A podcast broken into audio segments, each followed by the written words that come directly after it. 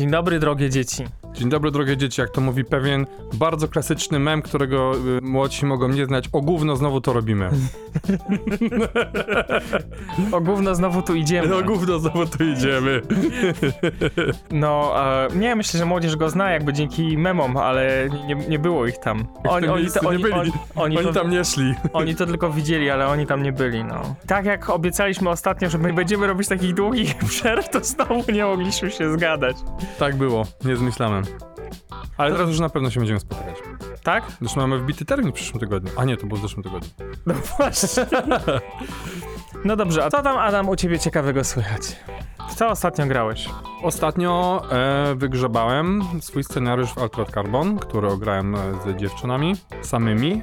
Było ok, ale chyba wszyscy mieli jakiś lekki niedosyt. Poświęciliśmy to dosyć dużo, dużo czasu, żeby poklecić postacie. Tutaj jakby faktycznie było bardzo spoko. Trochę czasu na wyjaśnienie mechaniki w tym Altered Carbon, której też 3 czwarte wyrzuciłem do śmietnika, bo uważam, że jest niepotrzebne, więc e, praktycznie dwie godziny zajęło nam umieszczenie się w ogóle w grze, no i później zapoznanie postaci i jakaś pierwsza akcja. Więc zaczęliśmy. Będziemy kontynuować. Ja w ogóle muszę zrobić taki rachunek sumienia, żeby się zastanowić, w co ja ostatnio grałem, bo przeszedłem tyle systemów jakby w ciągu dwóch, trzech miesięcy. Jak teraz wyliczyłem, to w koniec czerwca zagram 45. sesję w tym roku. Kuba zrobił kalendarz internetowy, gdzie rozpisał wszystkie terminy i wysyła ludziom zaproszenia. Po prostu od, od maja zaplanował, czy od marca zaplanował sesję na dwa miesiące do przodu. Abstrakcja. Nie, bez przesady, na, tak na półtora miesiąca do przodu planowałem. Ale y, muszę przyznać, że to jest tak, że ja planuję te sesje na zasadzie, kurde, w co ostatnio nie grałem, wrzucę to do kalendarza, zobaczymy kto się zbierze i potem się będę zastanawiać, co z tym skleić, nie? Jakby, co im tam zaproponować. I najgorsze jest to, że mam jakieś, wiesz, dobre pomysły, ale na jakieś takie dłuższe rzeczy, w sensie, o ile w, na początku roku miałem dużo pomysłów na jednostrzały i praktycznie wszystkie zrealizowałem, niektóre lepiej, niektóre gorzej, wyszły, o tyle teraz mam pomysły na takie kampanie, żeby miały, nie wiem, po 5, po 6 sesji, albo po 5, po 6 scenariuszy, czyli gdzieś tam w okolicach Mhm. na przykład 10 sesji czasami i nie bardzo wiem, jak to z ludźmi ograć, no bo się zbliżają wakacje i tak naprawdę nikt teraz nie chce się deklarować, bo nikogo latem nie będzie. Tak będzie. Od, od połowy czerwca będzie Bajabongo. Wszyscy się rozjadą i znalezienie wspólnego terminu i tak skończy się wrześniem.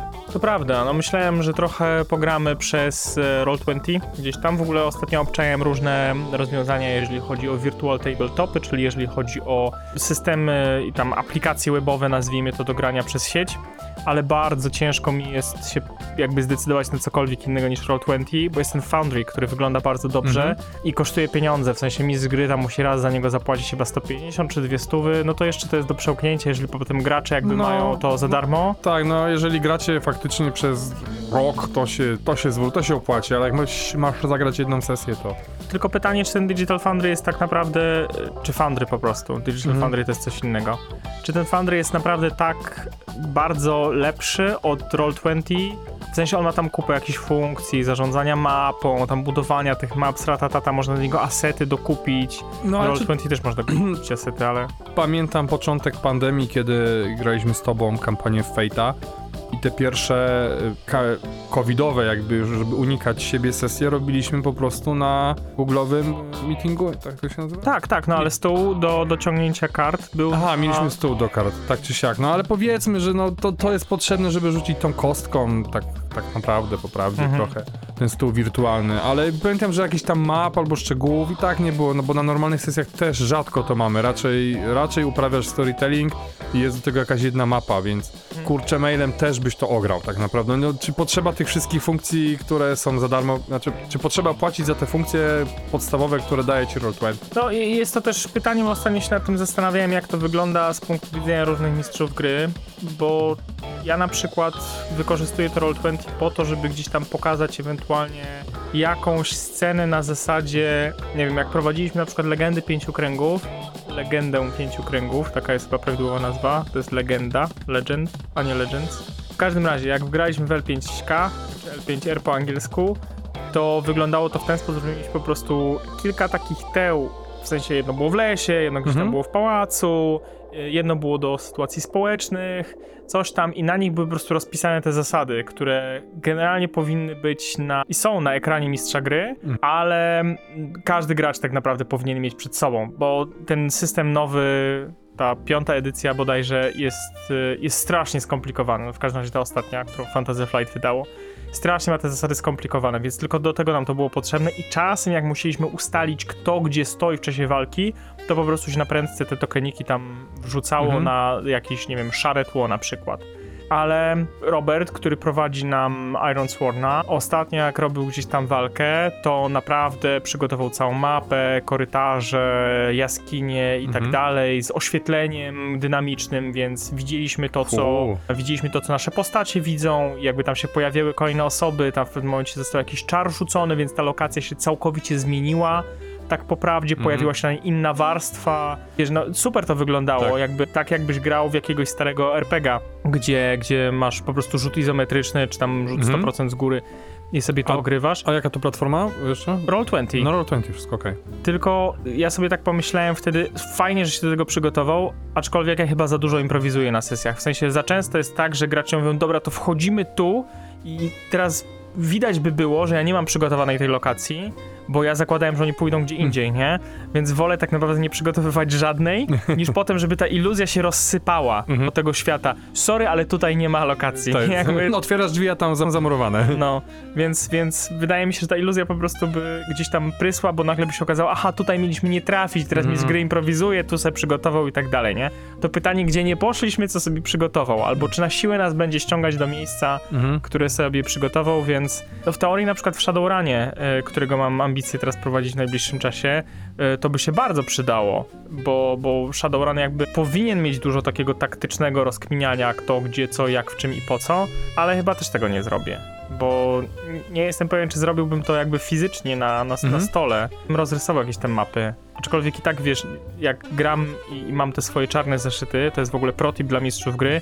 Zamiast rysować na kartkach mapy, kupcie sobie czarny brulion A3, są takie, i do nich markery, które piszą na czarnym. To też nie jest droga inwestycja, w sensie to jest zestaw chyba za 40 zł ta całość. Moż, no teraz jest inflacja, ja to kupowałem ile 3 lata temu, to pewnie więcej. Teraz już pewnie więcej. E, ale cały patent polega na tym, że jak bierzecie biały marker, żeby narysować mapę na, na czarnym tle, to wygląda to nieskończenie lepiej, bardziej klimatycznie i profesjonalnie, nawet jeżeli liczysz na bieżąco, nie? O, tutaj widzisz Mhm. taki budynek, a tutaj taki i każdą lokację w ten sposób sobie rozrysowujesz, niż, niż jak po prostu rysujesz na białej kartce długopisem. Potwier- potwierdzam, potwierdzam, potwierdzam. No ale właśnie, spotkaliśmy się dziś, żeby porozmawiać trochę o sesjach i o tym, co się na nich działo. Zacznę od tego, że nawiążę do tego, co mówiłeś o improwizowaniu i o lokacjach, które są gotowe. Mieliśmy gadać o Talesach, ale jednak zacznę od sesji w Altered Carbon, którą, którą grałem, którą prowadziłem, bo bardzo fajnie się to łączy z tym, co powiedziałeś o przygotowaniu, o korytarzach i o e, lochach i innych miejscach. To Mm. za, zanim zaczniesz, to może najpierw kilka słów wstępu, czym Altered Carbon jest, y, skąd się to wzięło, Altered Carbon jest w sumie trochę cyberpunkiem. Można go kojarzyć z Netflixowego serialu pod dokładnie tym samym tytułem, gdzie pierwszy sezon nie jest dosyć wierną adaptacją książek, bo zaczęło się od książek. E, drugi sezon totalnie porzuca to, co się działo w książkach, idzie swoją drogą. Świat wykreowany e, przyszłości, w którym nasza świadomość jest zapisywana, można powiedzieć, na takiej dyskietce e, wszczepionej w nasze ciało, że nasza świadomość może żyć dłużej albo w innym niż nasze ciało, albo może żyć, żyć w innym ciele. I na tym też skupia się ten system cały. te ciała też, w sensie te, ta nasza świadomość jest zapisywana na stosach, tak? Tak, to, na dobrze stosach, pamiętam, że to tak. się w ten sposób nazywa i one są zawsze gdzieś tam u podstawy czaszki Tak, między, umieszczone. tak w, między kręgi kręgosłupa jest wszczepiana, bo też jak masz rok czy coś takiego. I, Okej. I wtedy całe twoje życie się tam zapisuje i jeżeli taki stos, jeżeli twoje ciało umrze, to ten stos można po prostu wszczepić do innego ciała, bądź albo no, do robota, do mechanicznego, do syntetyka, tak to się nazywa, do syntetyka, bądź do innego, normalnego, biologicznego ciała. Czyli biologicznemu człowiekowi można usunąć ten stos i wjechać Tak. na jego miejsce i po Tak prostu można się w ten sposób podszywać pod, Tak jest. pod ludzi. Odmłodzić, można być w innej płci, można nawet się wszczepiać do zwierząt, jeżeli ktoś ma ochotę pobyć psem. Okej, kompletne szaleństwo. To, to też pamiętajmy o tym, stawia przed mistrzem gry, ale także przed graczami bardzo dużo z jednej strony wyzwań, a z drugiej strony możliwości, bo po pierwsze postacie są właściwie nieśmiertelne, dopóki ktoś złośliwie nie, u- Nie usmaży stosu, tak. Tak. A z drugiej strony jest też taka opcja na to, że ci bohaterowie mogą zmieniać te ciała i te powłoki, czy jak to się Powłoki, Sleeves tak, to się sleeves, nazywa. Czyli powłoka. Można, można, jak masz odpowiednio dużo dzięgów, możesz upgrade'ować swoje żałosne, biologiczne ciało, ten meatbag, w którym chodzisz na jakieś syntetyczne różnego poziomu z wszczepami, z bojowymi od razu gotowe, uzbrojone. Co tam ci technologia da? Okej. I jakby mój pierwszy pomysł na, na w ogóle scenariusz e, takim, w takim uniwersum, gdzie jakby masz zapisany cały ten, swoje życie, całą swoją świadomość na tym stosie, to jest napad na bank, trochę w stylu tego wjazdu Jokera, który się odbywa na początku którego filmu Nolana? E, Mroczny rycerz. Mrocznego Rycerza, gdzie kolejne osoby z tego napadu są po prostu eliminowane, te stosy są wyciągane i tak naprawdę na koniec nadajecie się w paczkomacie. Tak. Ostatnia osoba po prostu to jest jakiś gość, który w ogóle nie brał udziału w tym napadzie, strzela ostatniemu typowi w głowę, zabiera jego stos i wszystkie pozostałe, po czym nadaje je w paczkomacie i tam odbieracie się W stacji powłokawiania i ładujecie się w nowe ciała. dokładnie i jakby nie ma żadnego bezpośredniego połączenia, kto... A ten- lepiej możesz zrobić, po co angażować innych? Kupujesz trochę e, sleeve'ów, kopiujesz swój stos, co jest bardzo nielegalne w tym świecie, żeby, żeby nie było wątpliwości. Natomiast możesz skopiować się po prostu pięć razy, wpakować się do pięciu powłok, zrobić ten napad i odjebać samego siebie pięć razy i zostajesz tylko ty dalej jakby. Ale wiesz, wie, jeżeli wiesz, że jesteś najlepszą osobą do tej roboty i sam nie spartolisz. Pytanie moje brzmi w takim razie, jak system wyjaśnia, który z was potem jest kim? Który jest kurwa synem kogo? To jest, to jest kopią kogo? Nie pamiętam, jak to było dokładnie lorowo rozwiązane. E, Na pewno jest to bardzo nielegalne, takie podwójne upowłokowienie, ale kto jest kim? Tam chyba były jakieś ślady, że to jest stos, jakby świat e, przewiduje coś takiego, że możesz robić kopię zapasową własnej świadomości. Czyli nawet jeżeli ktoś ci zrobi tak zwany real death, czyli prawdziwą śmierć lub smaży ci stos, masz gdzieś kopię w chmurze. Jeżeli jesteś bardzo bogaty, a występują tam takie postacie, to na przykład robisz tą kopię zdalnie co 24 godziny, tak? Czyli Mhm. jeżeli ktoś cię naprawdę zabije i usmaży ci stos, no to tracisz dzień z życia. Okej, ale tak naprawdę to jak zawsze prowadzi do bardzo wielu filozoficznych pytań, nie? Czy, czy ta kopia, która została odzyskana, to jest dalej ty? Czy to jesteś dalej ty? Czy twoja świadomość tak naprawdę umarła i teraz żyje jakaś Yy, inna na wersja świadomość. ciebie? Nie po to się tu dzisiaj spotkaliśmy. Nie po to się tu dzisiaj spotkaliśmy, ale wyjaśniliśmy trochę, czym Altered Carbon jest, bo generalnie to jest cyberpunkowy y, świat z takim bardzo mocnym twistem. Tam są też trochę jak w Alienie, nie? Ale nie w Alienie, tylko w, w Blade Runnerze są kolonie pozaziemskie, Tak, tak, aczkolwiek większość akcji się dzieje na takiej bardzo To ucyberpunkowionej mamy ziemi. Ziemi, ale jest też Mars, na którym odkryto artefakty obcych, dzięki którym zbudowano technologię pozwalającą tworzyć stosy, w których właśnie Okej. ta świadomość się e, nagrywa. Okej, i jeszcze miałem jakieś pytanie. E, Czy ty w końcu przeczytałeś podręcznik do Eclipse Face i jakby jesteś w stanie Nie, nie, nie, nie jestem jakby w stanie zasugerować-. Jest, jest Eclipse Face, czyli taki no, dużo starszy RPG tak naprawdę, bo on gdzieś tam wyszedł na przełomie wieku, w sensie wydaje mi się 98 rok, coś takiego. Mhm. Głowy teraz za to nie dam uciąć, ale jakoś tak go kojarzę. To jest jedna z takich retro gier, na retro teraz się mówi, na mechanice D100, czyli jakby procentowo się wyrażają tam nasze współczynniki, chociaż może jakaś tam jest nowsza iteracja, która, która to porzuca, chociaż Cthulhu no dalej zostało. Tak. Chyba, że Achtung Cthulhu. Ale Eclipse Face właśnie miał tą opcję, tylko tam no, było dużo więcej działania w kosmosie z tego względu, że Ziemia była kompletnie zniszczona i opętana przez zbuntowane roje robotów pod e, władztwem sztucznej inteligencji.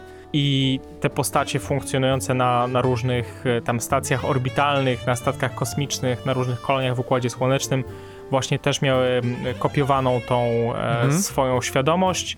No i tam jakby całe założenie rozgrywki było takie, że nie musisz, tak naprawdę z całej drużyny tylko jedna osoba musi się wydostać na zewnątrz, No. bo, bo cała reszta może zginąć po drodze, najważniejsze tylko, żeby tam ta świadomość była gdzieś tam właśnie Uploadowana. czy uploadowana.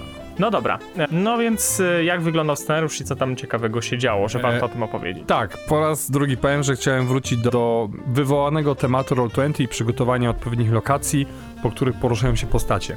Był to drugi scenariusz, e, który prowadziłem dla chłopaków.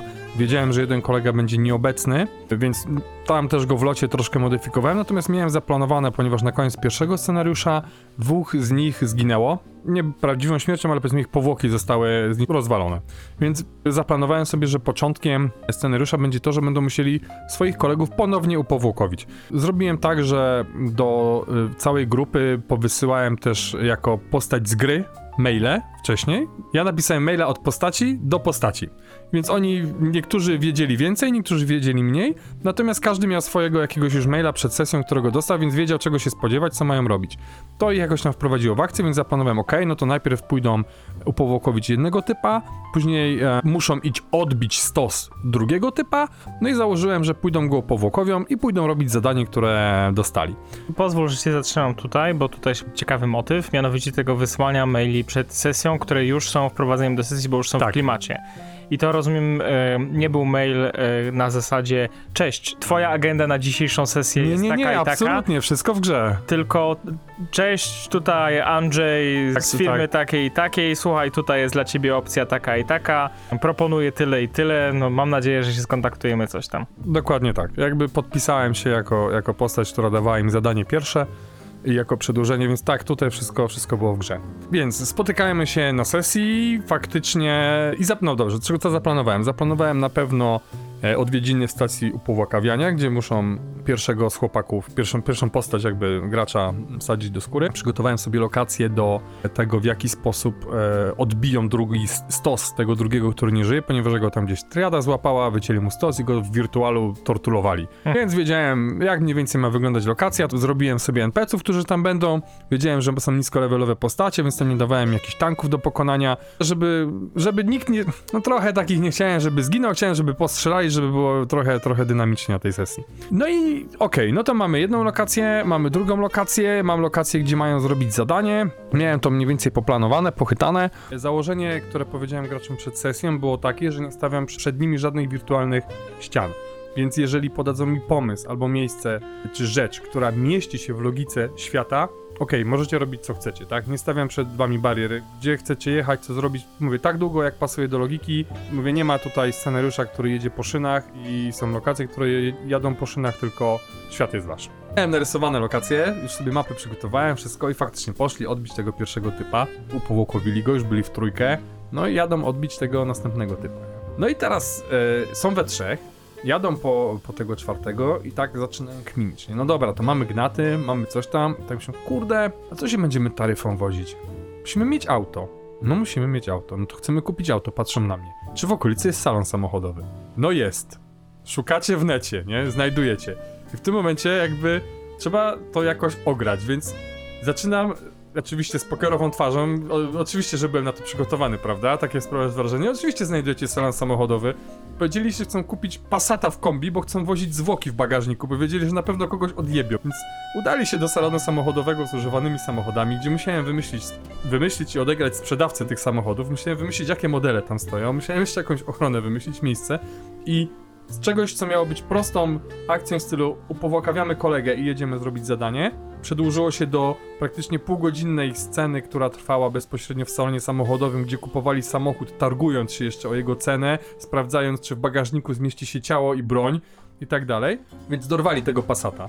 Oczywiście e, ich rewardem była piękna scena, w której powiedziałem, jak jadą przez miasto, puściłem im do tego e, Kawińskiego z Drive'a z Ryanem Goslingiem i do tego opowiadałem, jak jadą przez oświetlone neonami miasto, więc e, bardzo byli content.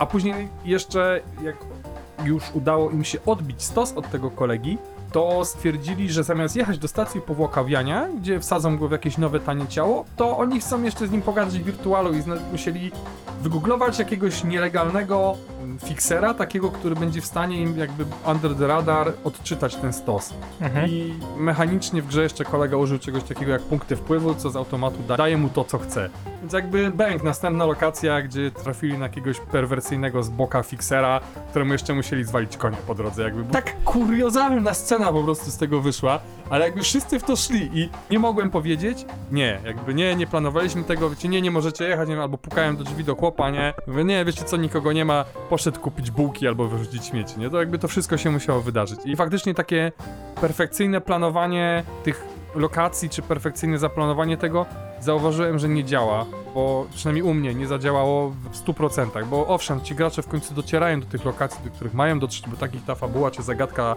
pcha, natomiast potrafią w trakcie wpaść na naprawdę kosmiczne pomysły i trzeba to jakoś ograć, a tak jak powiedziałem na początku, jeżeli wymyślicie coś, co się trzyma świata gry, no to jakby robimy to i nie stawiam przed wami sztucznych ścian.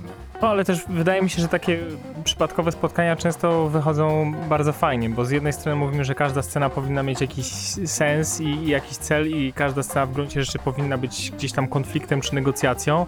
W gruncie rzeczy zakup samochodu może być konfliktem czy negocjacją, Była ale... kosa, bo nie mogli z bronią na przykład wejść, nie? No bo była ochrona przed salonem samochodowym, już była kosa pod salonem, nie?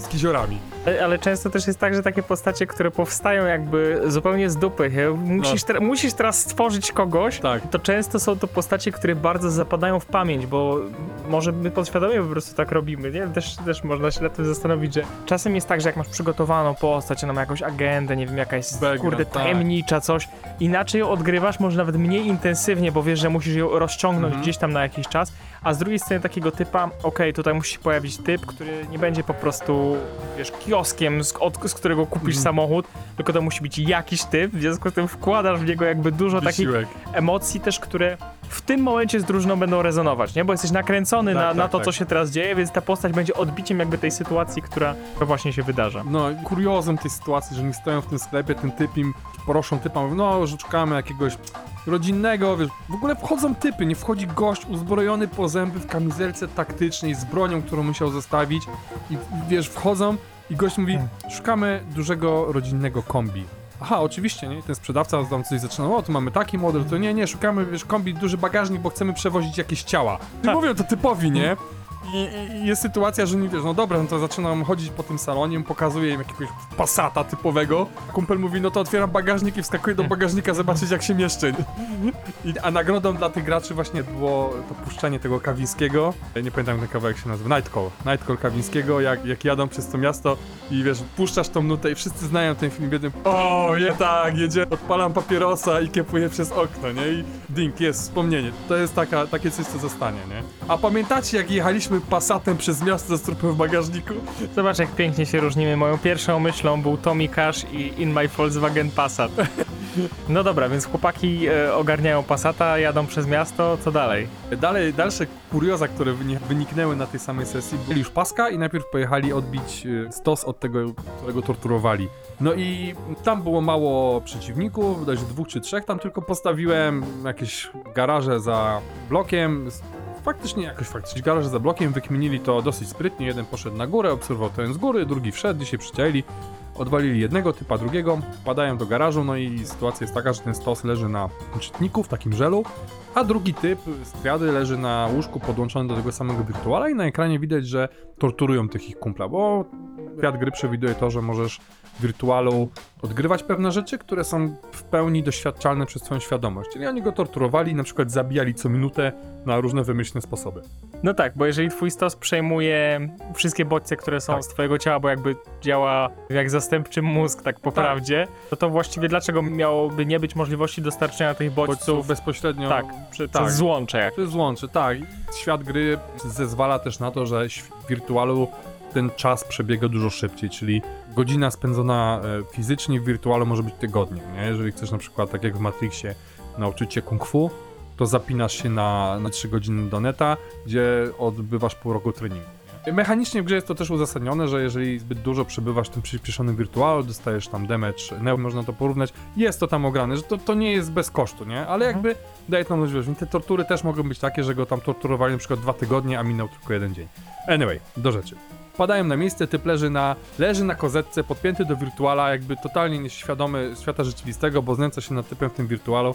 I gość, który e, gra wojskowego, już wyciąga klamę, przystawia mu klamę do głowy i mówi, rozwalam tego typa, który tam leży na tej... I wykonał krytyczną porażkę, nie? No to mówię, gnat wybucha ci w ręce, nie? Drugie kulnięcie, maksymalny damage. To upierdoliło mu rękę, całą, przy ramieniu. No smutna sytuacja, wsiadają z powrotem do Passata, jadą, tam się reszta akcji dzieje, on miał akurat jakieś tam syntetyczne to ciało, więc powiedzmy bólu nie czuł. No ale typ jest bez ręki. Jego postać była jakimś tam najemnikiem, który jakby zaczął stację powłakawiania. No i mówi, to jadę do tej stacji, gdzie mnie dali mi powłokę, na pewno mam jakieś duże ubezpieczenie. No dobra, masz, nie? No i idzie do tej stacji i mówi, proszę pani, proszę pani, upierdoliły mi rękę, chciałbym nową. No, że jakby, no ma pan ubezpieczenie, nie ma problemu. Ten gracz mówi, no a czy jesteś jakby bardziej kozackiego, czy można wziąć jakąś mechaniczną coś? I ja tak myślę, kurde, w serialu było, nie? I zaczynam kombinować, szwertuję szybko ten podręcznik, żeby coś znaleźć odpowiedniego. Lecę po tych stronach, ktoś tam wstaje, wiesz, jakieś cipongi dosypuje, chwilę mi to zajmuje. No i kulam, kulam te strony i nagle patrzę, odwracam się do niego, mówi Miła pani ekspedientka, która stoi za ladą w stacji powokania, mówi Oczywiście, proszę pana, mamy doskonałe modele do wyboru. Chce pan rękę niedźwiedzia czy rękę tygrysa? Więc skończyło się, że przeszczepili mu rękę tygrysa, więc kuriozalne, ale fa fantastycznie zagrane i wyszło. Też tego nie planowałem. O mój Boże. A jeszcze handicap tej ręki jest taki, że ma jakiś tam animal beast czy coś takiego i feature jest taki, że ręce można na przykład odjebać e, w najmniej oczekiwanym momencie, więc możesz sobie, wiesz, głaskać Freda i nagle kurwa pazury się uzbroją i ci go odetnie. No, to szal szaleństwo, szaleństwo, ale to widzę, że system przedstawia wiele wyzwań przed mistrzem gry, z którymi ad hoc poradzi. tak, dokładnie tak.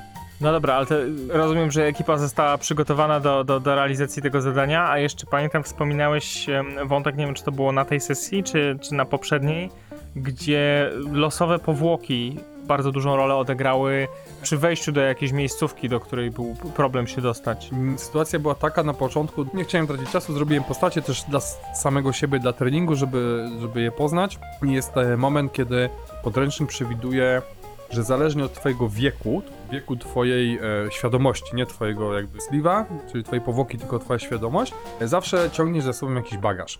Im jesteś młodszy, tym ten bagaż jest mniejszy. Jako, że e, osoby, które żyją najdłużej w świecie gry to jest około 200 lat, Okej. jak masz 30 lat, no to jesteś praktycznie gówniarzem bez doświadczenia i nie masz żadnych problemów. Jak jesteś matem, który ma 200 lat, to jakby ilość rzeczy, które przeżyłeś i ludzie, i którym nadepnąłeś, no jest dosyć długa. Matem, czyli Matuzalem. Matuzalemem, czyli takim ultra, bo, ultra bogolem, praktycznie nie, nieśmiertelnym. Czyli coś, do czego dąży Elon Musk. Więc e, wybieram, tam określiłem wiek tej jednej z postaci, no i po, znaczy na każdą postać kulam po prostu losowo na tak zwany bagaż, czyli coś, handicap czy problem, która ta postać ze sobą niesie.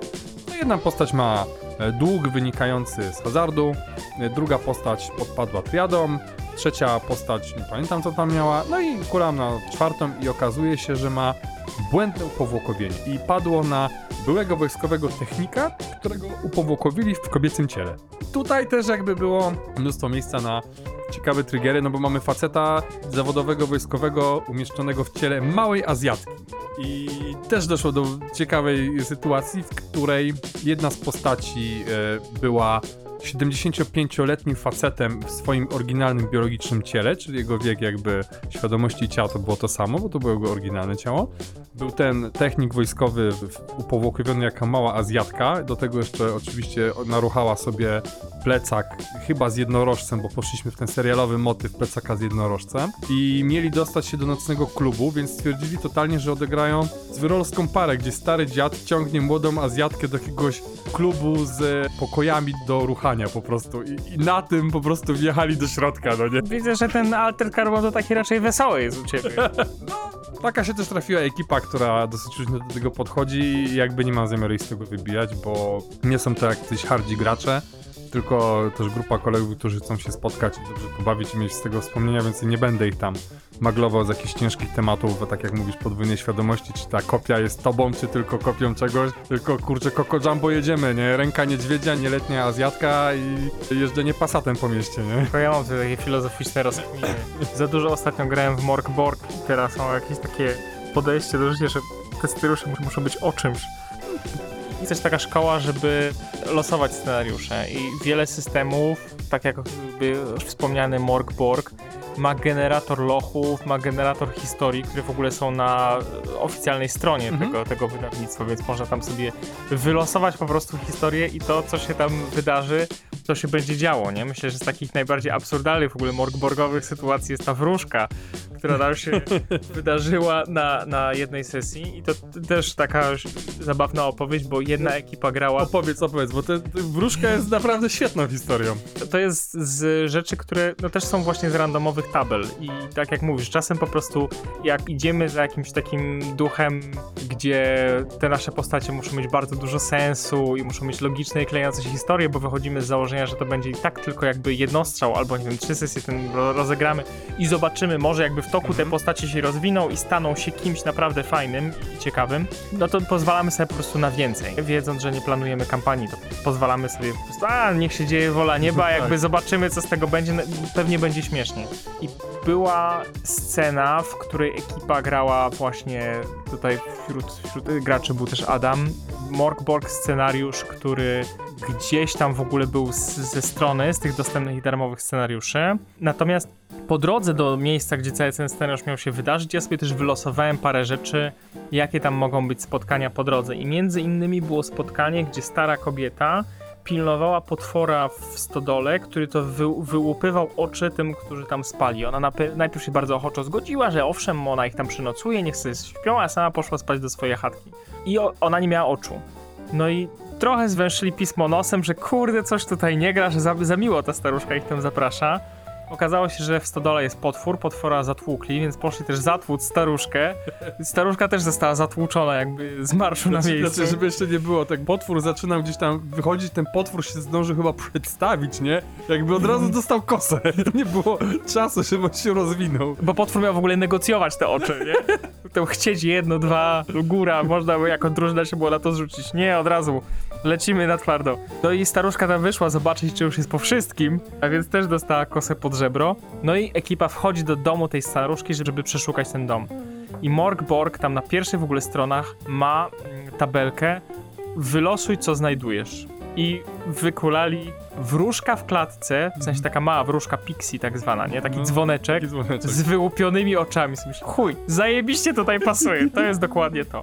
No i wzięli ten dzwoneczek, jak taki To to, była w takiej klatce jak na ptaszki, nie? Tak, Tak, jak na tak. kanarka taka klatka, nie? wzięli tego dzwoneczka Bez oczu. za, bez oczu, zapakowali ją na taki długi kij, jak tobołek, targali ją tam, coś ją tam nakarmili, głównie tego bimbrem. W związku z tym dzwoneczek no, po prostu już błagał o śmierć i i jedynym w ogóle marzeniem było to, żeby umrzeć, bo ona Tak. już nie, nie była w stanie jakby znieść tego cierpienia, które tam na nią spadło, w ogóle miała połupione oczy, połamane skrzydła, tam rękę jej po drodze gdzieś tam złamali, próbowali ją przytopić w ogóle, bo postanowili umyć dzwoneczka, żeby ją przedstawić jakieś tam jakieś bóstwo. Znaczy, bo ona była jakoś zgłówna, cała uwalona, bo w tej klatce tam srała pod siebie i Tak.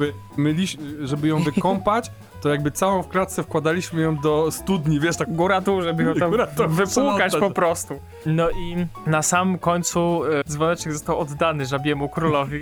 A może żabi królu chcesz zeżreć naszą wróżkę? I żabi król zeżarł wróżkę, która wydała jeszcze tylko z jego paszczy ostatnie swoje słowa, bo ona, bo ona chciała umrzeć, to już nie chciała żyć w tym cierpieniu. I chyba dwa tygodnie później gramy sesję w Morgborg i ekipa przetrząsa tam jakieś starożytne ruiny, rzucają na to, co tam znajdują, a tam, kurde, wróżka z wyłupionymi oczami. Ale im szybko spadła jakoś, bardzo, bardzo szybko ją tam gdzieś rzucili na przynętę i ktoś ją tam rozdeptał po prostu, także Także, jeżeli jesteś wróżką w świecie Morgborg, nie ma dla ciebie dobrych wiadomości. nie najlepiej to wygląda. No ale wracając do tego y, wątku losowania scenariuszy.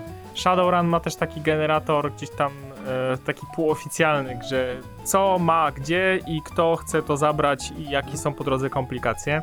Więc czasem, jeżeli to ma być jednostrzałówka i nie chcemy się tym przejmować, to możemy po prostu popłynąć z losowaniem sobie przypadkowych po prostu rzeczy randomowych, jak to się teraz Random mówi. Encounter. I no zresztą przecież Random Encounter to jest jeden z tropów, którym się zawsze podąża, jeżeli chodzi o, o Dungeons and Dragons. Mhm. Nie? Tak naprawdę nawet te pierwsze Dungeons and Dragonsowe RPG w stylu e, Wrót Baldura też miały random encountery. Tam się dało w podróży między lokacjami trafić na taką mikrolokację, gdzie tam spotykało nas coś przykrego, głównie bandyci.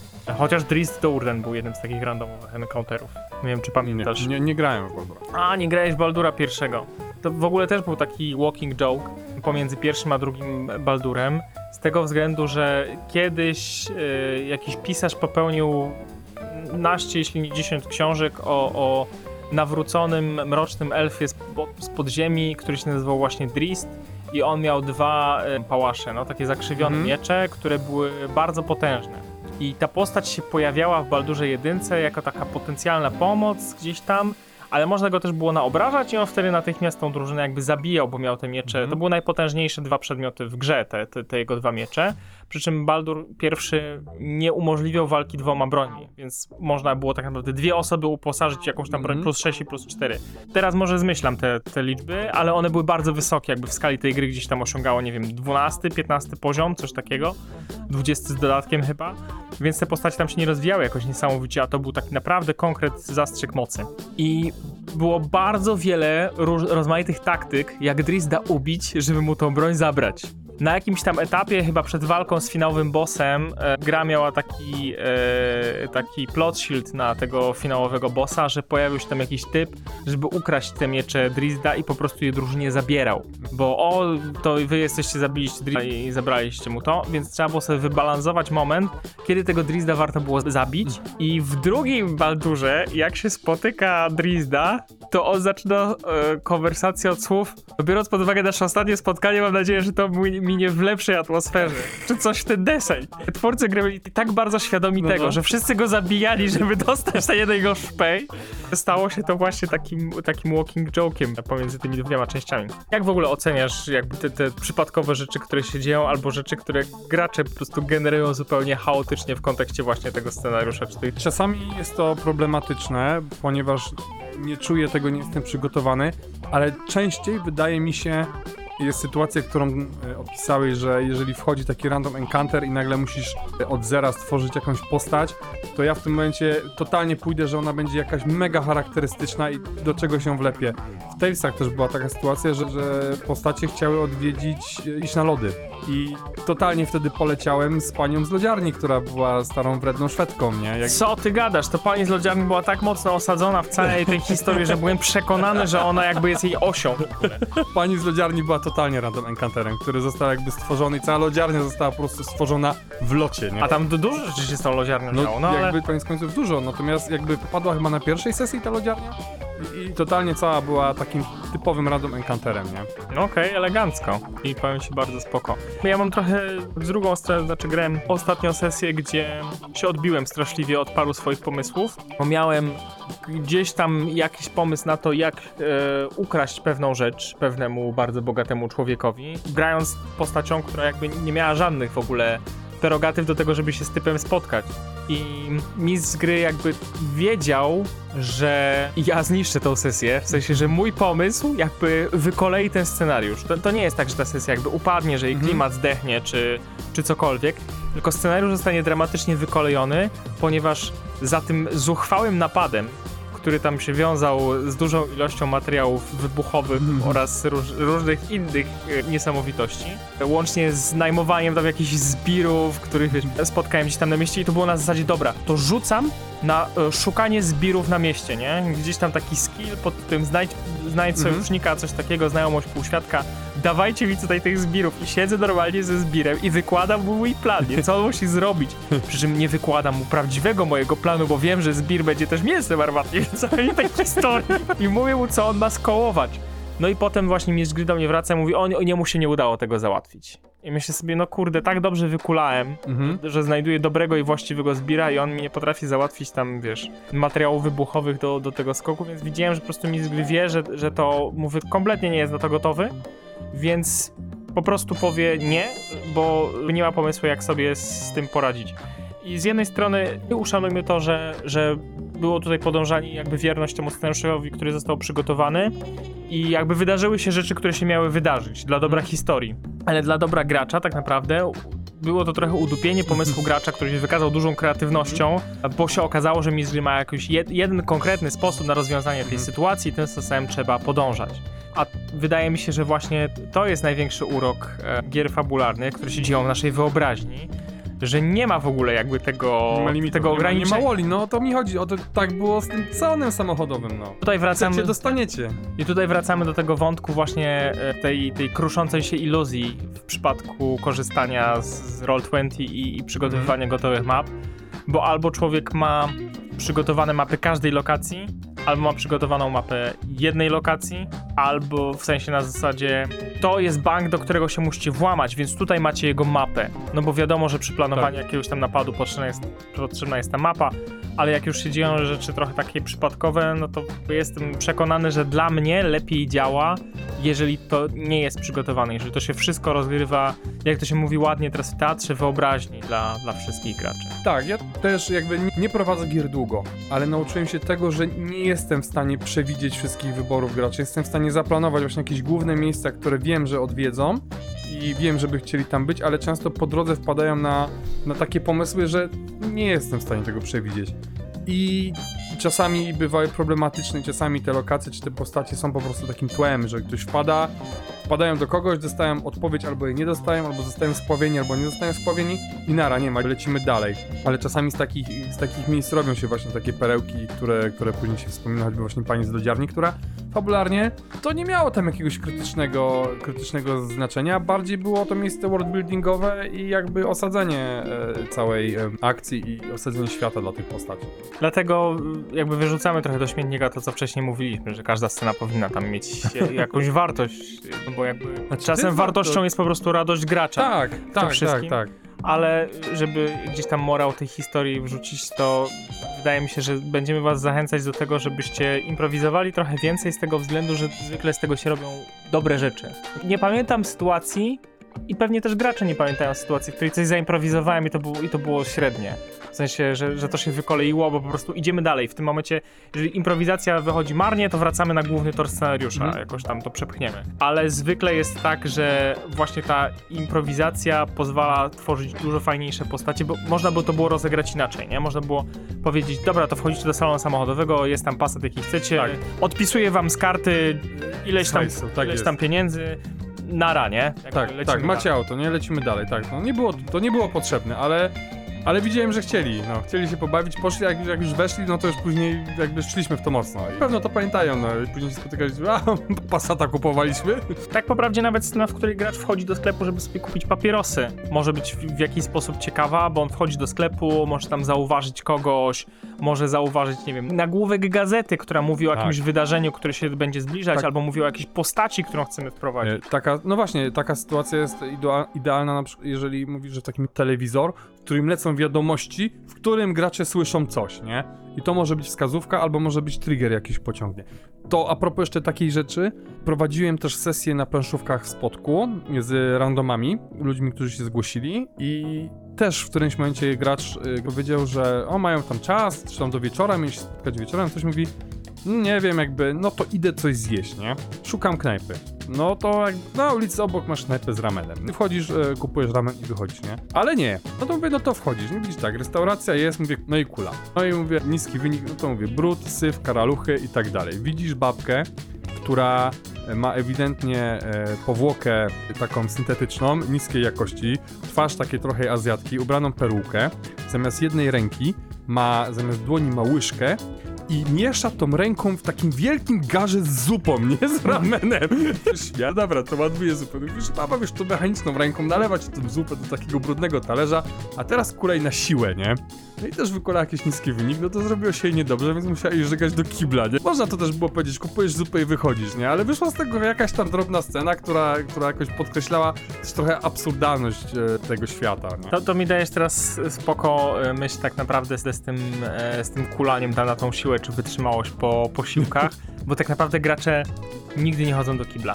Tak samo Tak. jak postacie filmowe nie chodzą, do, nie chodzą do kibla. Chyba, że ten kibel jest instrumentalny dla sceny, bo na przykład, nie wiem, żona będzie się z nimi kłócić przez ścianę od kibla i No. to ma podkreślać to, że oni nie potrafią jakby przerwać tej swojej kłótni, albo w tym kiblu na niego napadnie obcy. Jakby, jeżeli mówisz graczowi, chce ci się lać, to gracz wie, że będzie buła. Tak, tak. Wie, że tam się coś wydarzy. To nie jest teraz przypadkowa sytuacja z tym kiblem. Ja próbowałem już te jak wizyty w kiblu rozwiązać na bardzo wiele różnych sposobów. Od żetonów kupy, Były, że to czyli po każdym posiłku jakby postać dostawała żeton, Mhm. że jej, żo- jej brzuszek jest pełny Mhm. i jak zebrała ich więcej niż miała wytrzymałości, no to już była pora na wycieczkę do łazienki i tam się mogły wydarzyć rzeczy, ale mogły się też nie wydarzyć żadne rzeczy. Zastanawiam się, czy do tego nie wrócić, bo tak po prawdzie to często powodowało różne zabawne sytuacje, ale też stwarza taki bardziej symulacyjny klimat, a nie zawsze chcemy do tego, nie, nie Mhm. zawsze do tego chcemy, chcemy dojść. Dobrze, kochani, to tym optymistycznym akcentem może to na kupy myślę, że się dzisiaj pożegnamy i zapraszamy Was już za tydzień na kolejny odcinek. Może, może uda nam się powiedzieć o Talesach, o którym mieliśmy plan opowiadać dzisiaj. Tak, na pewno o nich opowiemy jeszcze w Tak. tym sezonie, bo zostaje nam jeszcze dwa odcinki do końca, także zapraszamy Was bardzo serdecznie. Nie przywiązujcie się do tych sezonów, bo one są strasznie rozleczone. Nie, ale teraz już będą regularne. A, na pewno. No to co, dzięki, cześć.